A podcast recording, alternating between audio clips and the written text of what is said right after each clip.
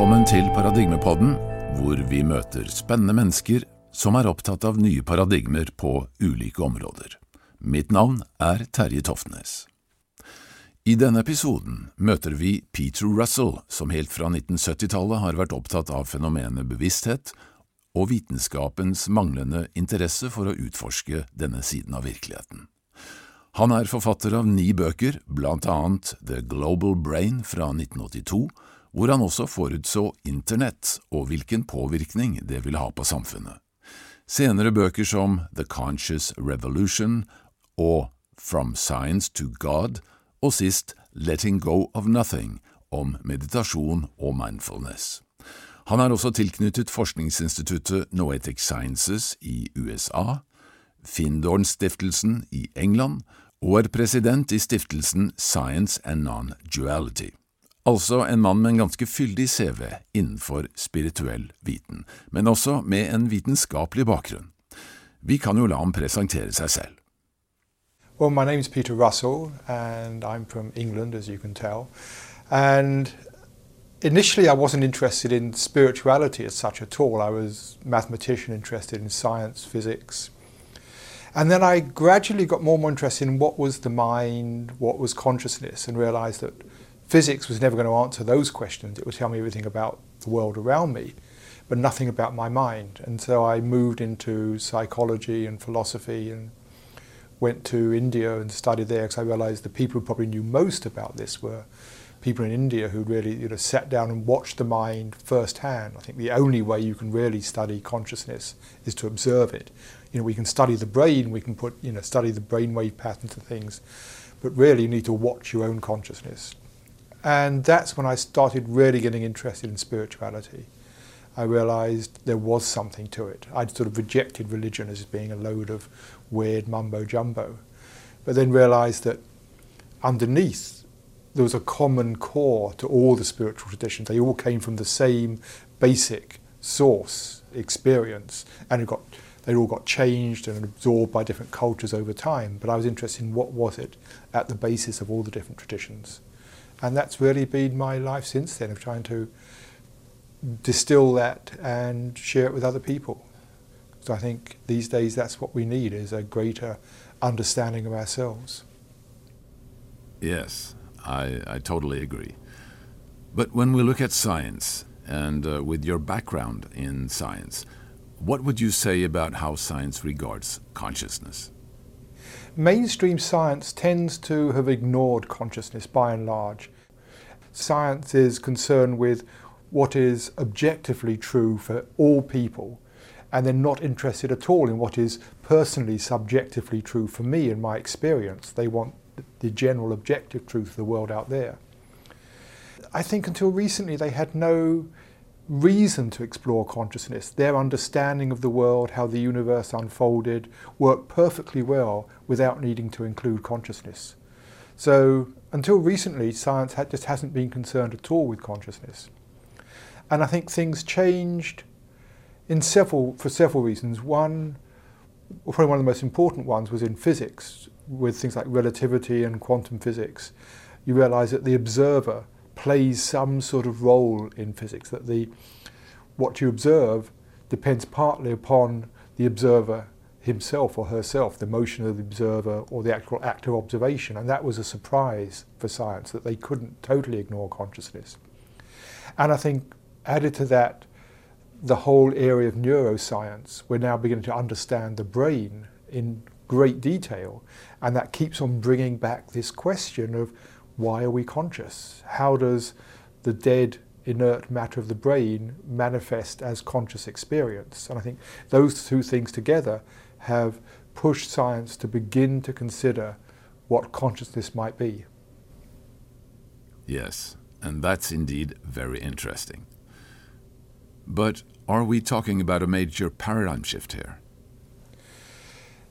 The idea of a paradigm really came up with Thomas Kuhn about nearly 50 years ago, and the idea it's the, it's the model, the theoretical model within which, within which we see uh, sciences. And so the paradigm is like the underlying belief system. And the underlying belief system of modern science is that the ultimate reality is material or physical in nature. And so it's not conscious, it's, it's the matter of atoms, electrons, molecules, but there's no consciousness there. So, so that's the underlying belief system, which basically all of science works. And what Thomas Kuhn showed was that paradigms hold for a while and everybody believes them. And then something comes up which can't be explained. And the classic case was, you know, for thousands of years people thought the Earth was the centre of the universe and then they couldn't explain why the planets moved as they did. And Copernicus came along with this revolutionary idea that the Earth was actually another planet going around the Sun. And I think we're meeting a similar thing with this material paradigm. The thing that it can't explain, the big problem, is the existence of consciousness, because there's nothing in this worldview that says we should ever have a single experience. All the workings of the brain should go on, but sort of in the dark without us ever actually experiencing anything. And yet, it's absolutely true that we are experiencing beings. In, in fact, my experience is more of a reality than the world out there. It's the one thing I absolutely know for sure is that I am experiencing. And so we have a real challenge here for the scientific paradigm, the materialistic paradigm. And what happens with paradigm shifts is before the shift happens, they try to explain the anomaly in the old system. And so with Copernicus, before Copernicus, they had all these complex models of how planets moved, which got more and more complex because they were absolutely rooted on the Earth being at the centre. And I think in the same way today we're trying to explain consciousness, well maybe it's something that comes out of you know, fine tubules in the brain, it's something to do with quantum physics, or it's something to do with information theory, or people believe it's something to do with the chemistry of the brain. We have all these different models, but they're all founded on this assumption that somehow consciousness must come out of matter, because matter, matter itself is the fundamental reality. And I think we're moving towards a shift here. It's, I say we're moving towards it, we're not there yet. It's still a heretical view that a lot of people would ridicule. But I think we're moving towards the view that consciousness itself is absolutely fundamental, as fundamental as space, time, and matter. And just a growing number of people are beginning to consider this and take it seriously. And I think in maybe 20, 30 years' time, that may be the mainstream view. So I just see on the beginning of people beginning to take that shift seriously. And it's not a new idea. You find it in many metaphysical, spiritual teachings, the idea that consciousness is fundamental, but it hasn't been taken seriously by science yet. But what kind of implications do you think this would have if consciousness was to be accepted by science as a fundamental basis of reality? It changes our whole personal relationship with the world. Instead of seeing the world out there as a dead, inanimate world to be used you know, for our own needs and often abused for our own needs, it, we have a respect for it. There's a sense of awe that this is, we are all part of the same thing, that what is my innermost essence is also the innermost essence of everything else, and not just other creatures, but the whole world. And that leads to a much deeper sense of connection with the world, a sort of intuitive sense of connection, but also I think respect how, how we treat it. So I, I think that's a, that's a fundamental thing. But also seeing that consciousness itself hasn't doesn't suddenly come into being. It's there in everything. And so what has evolved has been the mind. We've got more and more complex thinking, but mind itself is all is always there. And so that again I think changes our relationship to to everything else. How would you differ between soul, mind and consciousness? I think as soon as we start talking about things like soul, mind, and consciousness, we have to, I think, be aware that we are using the words often very loosely. We don't define them clearly, and we we probably mean very different things by them. When I'm talking about consciousness, I'm generally talking about the capacity to have an experience, not whether I am waking or dreaming, because I'm still conscious when I'm dreaming. I may not be conscious of the world, but I'm still having experience, I'm conscious. So I'm talking about consciousness is the, it's very hard to define, but the way I would define is the, the ability to experience, the faculty of experience, or the, the capacity to have an inner world of experience. The mind, for me, how I define the mind, is that totality of the experience. So, mind for me is right now my perception of here, what I'm experiencing, what I'm feeling, my thoughts. All of this for me is, is the mind, my own inner reality, as opposed to the world out there. Soul, I don't tend to use the word soul myself. I haven't, I haven't really found a use for it. It's, I think there's, there's certainly a sense of my own inner identity, of, of, of being a unique individual.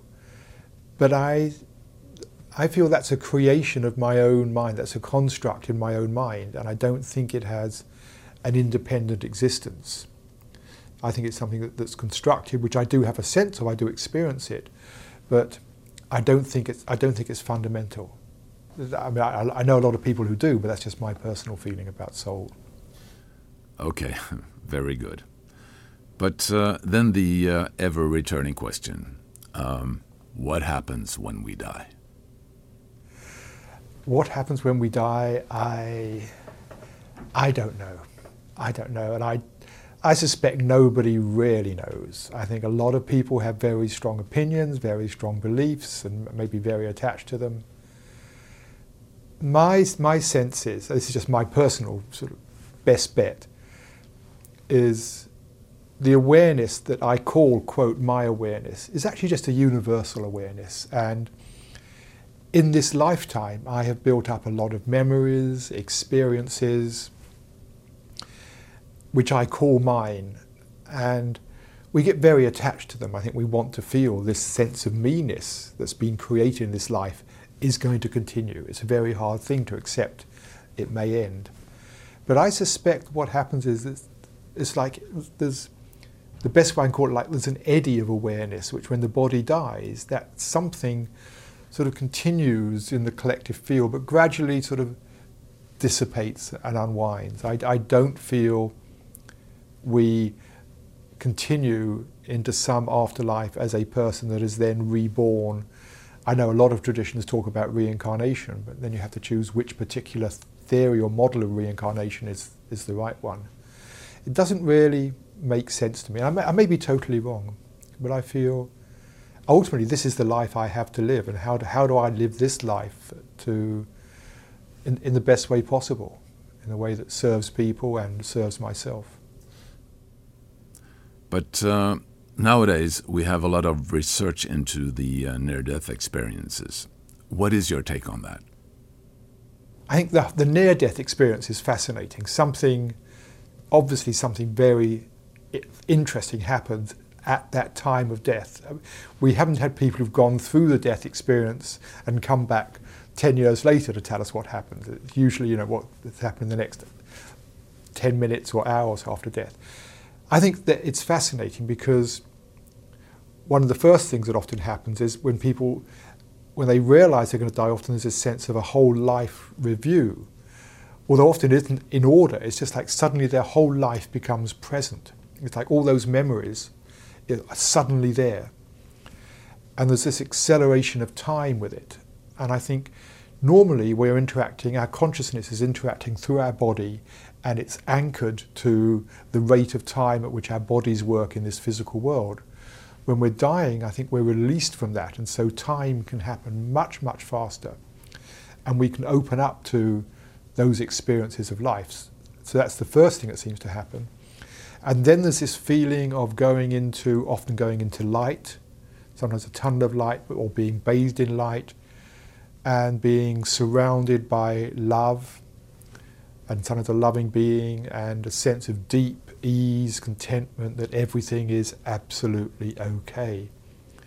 And these to me are really fundamental qualities of consciousness itself. That this is what people also reach in meditation or in other states when we step back from the normal thinking mind, the mind that's busily engaged in the world, doing things, working things out, worrying about things when we step back from that world, we find that the natural state of consciousness is one of ease, contentment, there's this sense of deep love in oneself.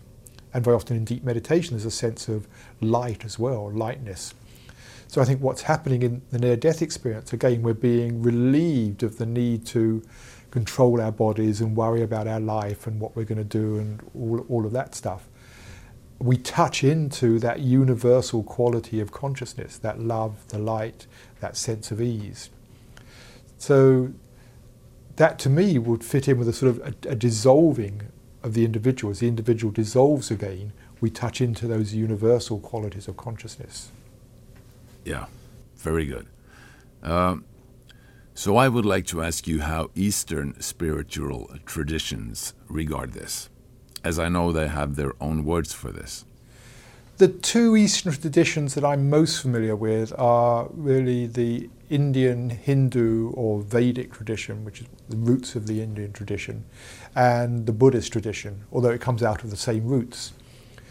And in the, the sort of the Hindu Vedic tradition, they, they use several different words for consciousness. There's, there's the word jiva, which is that sort of individual spark of consciousness, that sense of me-ness without any particular qualities of me-ness. You know, not me, I am Peter Russell, I am British, but just that sense of me-ness, that sort of individual flame, they call it, that's jiva. And then they use the word atman, for the fact that that is a universal quality, that what feels to me to be that sense of me-ness is exactly what it feels like for you and for everybody else. It's a universal quality. And in that sense, we are all united, connected, so it's a universal quality. And then they use the word Brahman, which is the sort of the source of everything, the source of the whole world, the source of my own experience and the source of the world out there. And almost the ultimate teaching of Vedanta is that Atman is Brahman, which means my own innermost essence, that universal quality, is the source of the whole universe. So they're saying the whole cosmos is basically awareness in its essence. In the Buddhist tradition, they sometimes use the same words because it comes out of the same background, but they, they more talk about things like Buddha nature and the word Buddha, remember, just means awake. And they're talking more about Uh, wake for real waking up to what we really are. And so the Buddha was somebody who'd woken up. And the Buddha nature is, our, again, our innermost essence. It's what we all are. And it's that inner wakefulness, that, that awareness, the fact that we're all deep down aware, awake. What changes is what we're aware of. And so part of the path in Buddhism is discovering for oneself that quality of inner wakefulness, is probably the simplest way to put it. Although they get into very, very complex systems. I think they probably, of all the spiritual traditions, I think the Buddhist tradition has the deepest, most detailed understanding of the mind because those people who just sat there and watched the mind and studied it in great, great detail, far more than I could possibly explain. You have also been studying meditation and uh, have a PhD in meditation. Is that right? I was studying for a PhD in meditation. It was actually the first PhD in meditation ever offered in Britain back in the 1970s. And then I, I decided not to complete. Um, the reasons were that I, I realized if I if I went ahead and did this, I'd best be writing, I'd be spending the next two, three years writing a thesis that would sit on two academic shelves. And I, I wanted to communicate in a much broader way. And, and what my writing turned out to be not producing a thesis. What I ended up doing was writing a book, much more for the general public. And that was my first book on meditation. And I realized that's where my heart was, was communicating to a much broader audience and not in this very strict academic way where everything has to be punctuated by you know footnotes and this and argued. I, I wanted, I felt I had something to express in a much more general way, and and so yeah, I went to my supervisor and said, I think I'm going to be one of your failed PhDs. And he said, no, just, he said, I think it's great that someone, you know, at this stage of your life, you want to write a book, go and write a book. So I, I'm half a PhD. Okay. But anyway, um, could you explain to us what is the core effect of meditation? What does your experience say here? meditation is a very large topic because, first of all, we mean many different things by it. You, you, know, you talk to different people. Some people talk about, you know, meditation is meditating upon a subject, thinking about something deeply.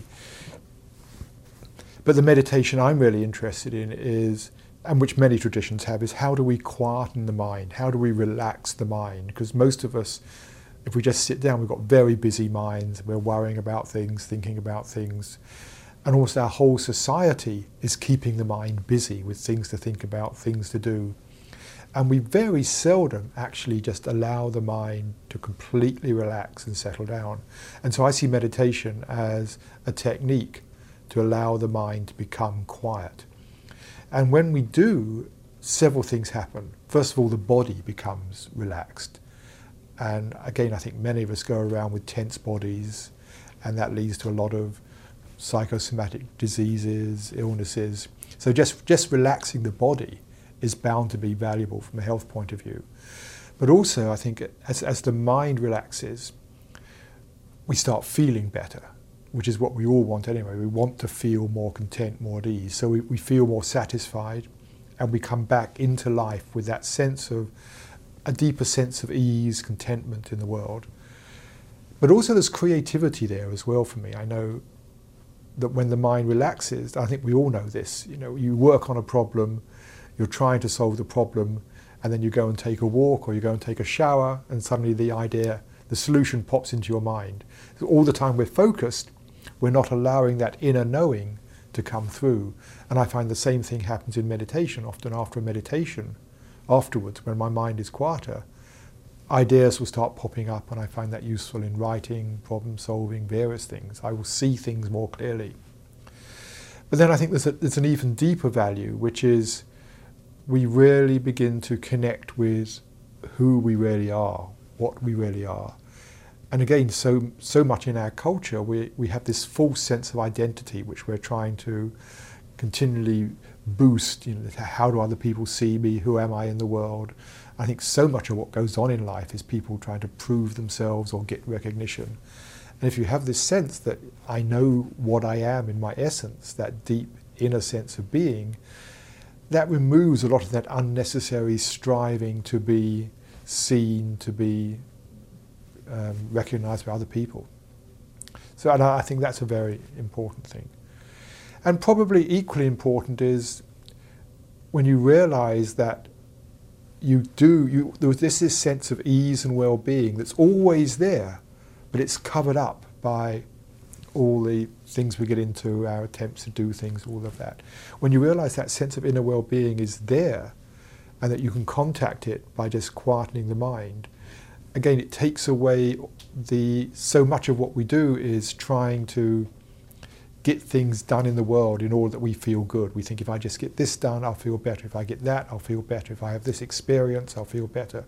When you realize you can actually feel okay anyway, then it takes out a lot of that motivation to do things. And I think a lot of the reasons why we're destroying the world around us is because we're continually wanting to take from the world in order to feel good. And when we do that, it's only temporary. You know, we go and eat a nice, wonderful meal, we feel good for the evening, and then the next day it's gone. Or we go and buy something new, a nice new suit or something, we feel wonderful, and then it passes. Cause, um, so we're continually looking for the world to make us feel good. When we realize that is inside us, then I think our relationship with the world changes. Yeah, okay, very good. But back again to our general view of the nature of reality. How can we say that what we perceive as the world around us is not a physical world? The world we see around us looks like it's a physical world to our senses. But, and this is something that physics has discovered to its amazement, that when you start looking down closely, it isn't material as we think it is. You know, when you when you get down and start looking at the molecules and you get down to the atoms, you find an atom looks like it's mostly empty space. There's this tiny nucleus, and spinning around it are electrons, but in the middle it's just all empty space with tiny, tiny, tiny bits of matter in there. Well, that was the view up until the sort of the beginning of the 19th century, so the beginning of the 20th century. And then along came quantum theory and showed that even those little things we call electrons and protons aren't, don't actually exist, that they're not little particles. There's not no thing actually there. And as one famous physicist said at the time, whatever matter is made of, it's not made of matter. There's no thingness there. There's something, we don't know what it is, that when it gets together and forms molecules, and those molecules form cells, and then our eyes look at the skin, and the light from the skin, and my finger touches the skin. In my mind, I create this experience of colour. I see the pink of the skin. I, I feel the contact. And so I create in my mind this interpretation of what is out there from my experience. And that's a very solid, real world. But ultimately, you know, when you really examine it, it's not like that. That's just the appearance it gives to me at sort of this, this level of reality, that this what we call the mesoscopic level, beings sort of, you know, meter and a half tall experience the world this way. Beings, you know, billionth of a meter tall experience the world very differently. So if it's not physical then, what is it? I think that's I think it's very hard to say what is there. I think all we can say is it's nothing like what we think it is. And the reason is because every time we try to describe it, we're taking models from our experience and imagining they're like that we imagine it's like solid balls, but it's not true. I believe the only thing we can actually say about the external reality is that there is awareness there.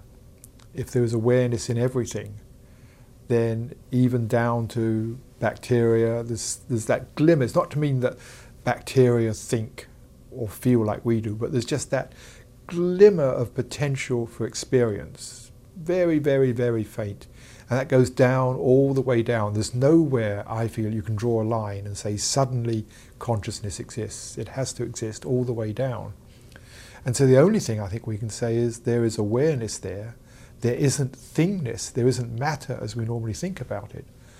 So that leads me to the conclusion there is just a field of consciousness, a field of awareness, which is very complex. It's, it's a very structured, patterned, complex field which manifests as the appearance of an electron or an atom or whatever, and those an electron experiencing another particle feels, and we say it feels some force, it senses a field.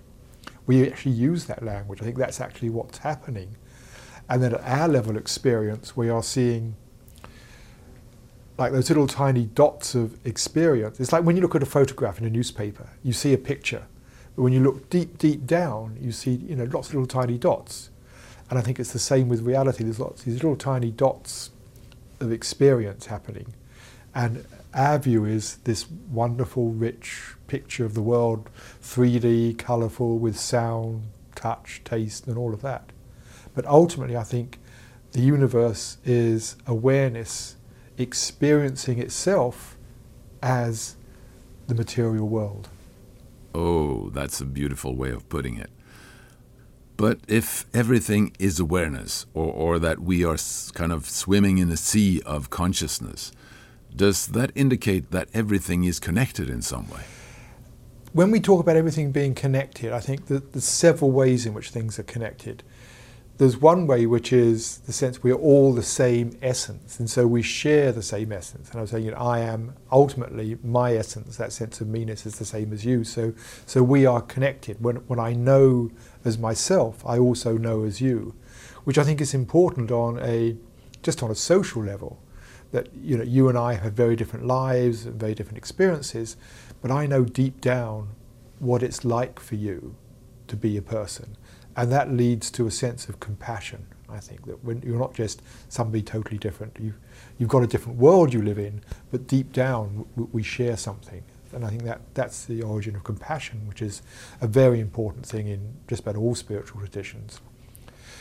And then also for me, because consciousness is more fundamental than space, time, and matter, I think space, time, and matter is part of the way our minds construct our experience of this world. And that means that we are, in a sense, connected behind space, time, and matter. That, and this is, this I think is what's playing out at the moment in, in modern physics with the whole idea of non-locality. Though I think we misunderstand it. I mean, with non-locality, it turns out you know an event here can have a direct correlation with an event separated in time and space. And yet our old materialistic minds try to say, how can this happen? How can this event influence this? Does it convey information faster than light? Is there some deeper tunneling, some path? I think all of that is still the mind stuck in the old paradigm. If we just recognize there's a connection there which is behind space and time, then we don't have this thing of non-local it's actually, in its own way, it's local. It's just non-local in terms of the space-time framework within which we see the world. Very good, very good. But um, this connection or a special form of entanglement behind space and time, is this also described in the Eastern spiritual traditions?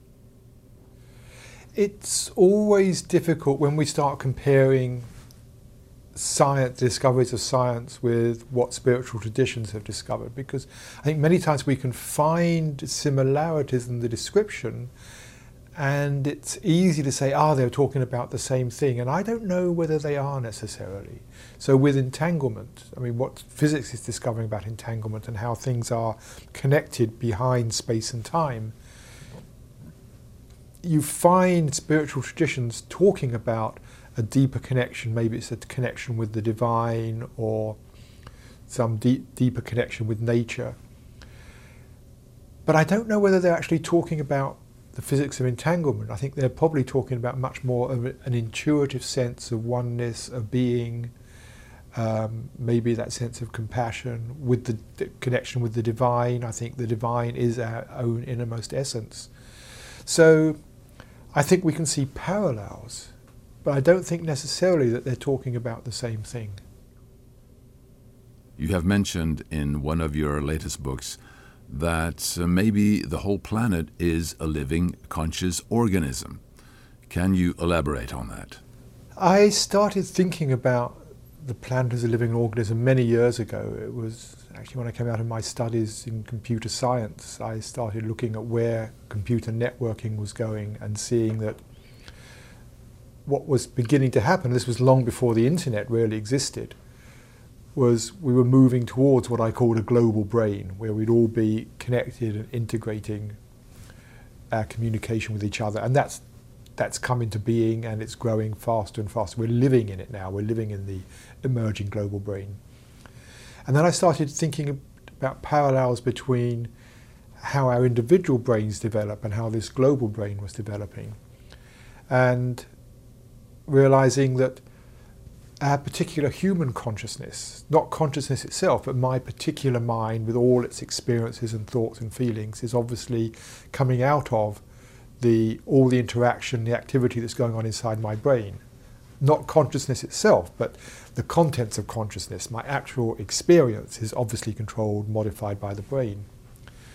And so that led me to think that perhaps as this global brain takes shape, the activity in the global brain, all the messages, the interactions, the connectivity flying backwards and forwards over the planet, would actually lead to the emergence of a similar collective consciousness for Gaia, for the, for the Earth. That maybe if we are the brain of the planet, then we will be producing a mind of Gaia. And who knows whether that's happening or not? Because we are like, does our does an individual nerve cell in our own brain know that we are conscious and its consciousness is tiny compared to us? It may, you know, if it could think, it may think, oh, I wonder if Peter has his own consciousness or not. Maybe chatting to other brain cells. Right? So we can't actually test that really but I think it's quite likely that, uh, but that consciousness would be a much, much more complex and far greater consciousness than our own individual consciousness. Is this what some philosophers, like uh, Carl Jung, call the collective consciousness, or others call the Akashic field or morphic field? Are these the same concepts? I, th- I think various people have come up with terms for some sort of collective consciousness. There's this Jung's term. I think Jung was talking about something that's deeply similar about us all. The collective consciousness is something we all share, and he was looking at archetypes and patterns of thinking. So I think what he was looking at is something that almost pre exists our own individual consciousness, but which determines a lot of how we think.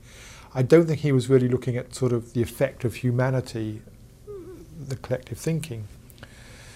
Um, things like the Akashic field, which is much more than just this planet. The idea of the Akashic field in metaphysical teachings, it's sort of the repository of information for the whole universe, which is would be enormous when we consider our planet as one tiny, tiny, tiny speck in the cosmos.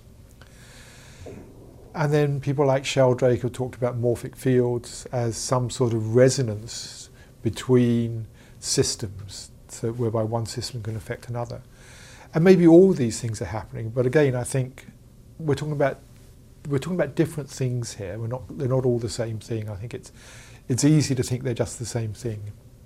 And the other thing I think we must remember is we are just in the very, very early days of serious exploration of consciousness. We've had centuries of exploring the physical world, and we're now really beginning to understand, not completely, how the physical world works. The mind is still very new territory. Well, particularly for the West, it's very, very new territory. Not such new territory for the East. And so I think our sort of understanding of the mind is a bit like sort of, you know, 12th century scientists dabbling around, weighing things and working out strange theories about what might be happening we've got a long way to go yet. You have also described in, in your books that we have been through different ages of uh, development, like the industrial age, the information age, and now entering into the age of the mind. Tell us a little bit more about that. Yes, I see we've been through, humanity's been through different ages in terms of the focus of our attention or the, the main focus of activity.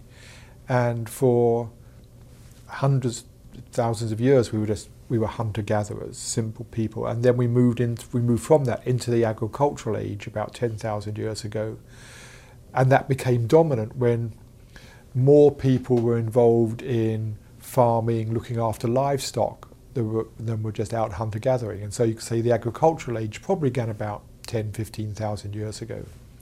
And that lasted until the rise of the industrial age, which was you know, started about three centuries ago, but really settled in about 200 years ago. And at that time, more people people moved out of agriculture, out of farming, more people involved in producing things than producing food.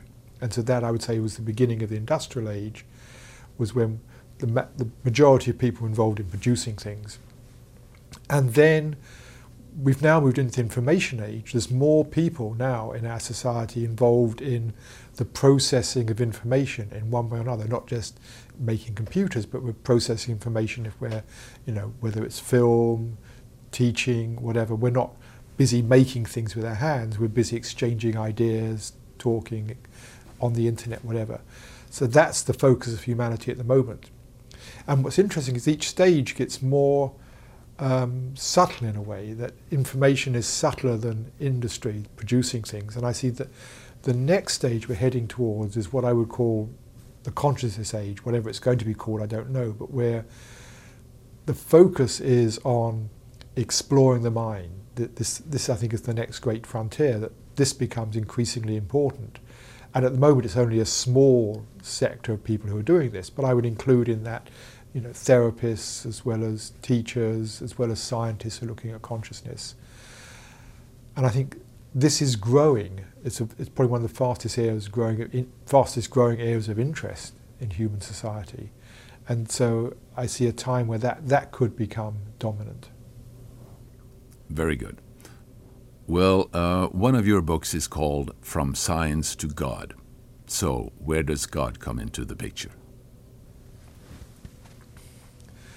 When I use the word God, I'm not using the word in which it's used in traditional religion, particularly traditional Judeo Christian Islamic religion, which is some being out there who created the cosmos and is looking over us and judging us if we do wrong and going to punish us or reward us.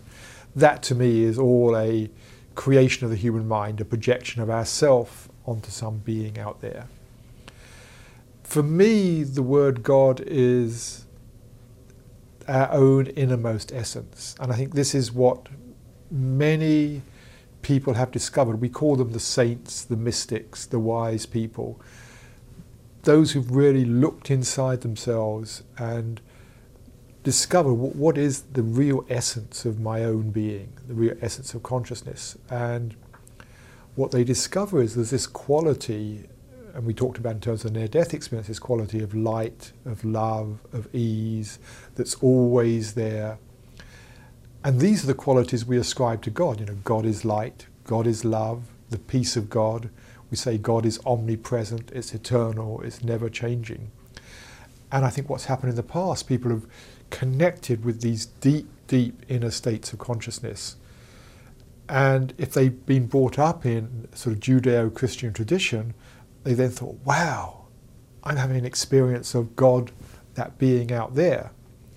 But if they were brought up in an Eastern tradition, they brought up in a Buddhist tradition, they'd say, well, I'm, this, this is my own inner nature. Buddha doesn't have a concept of God.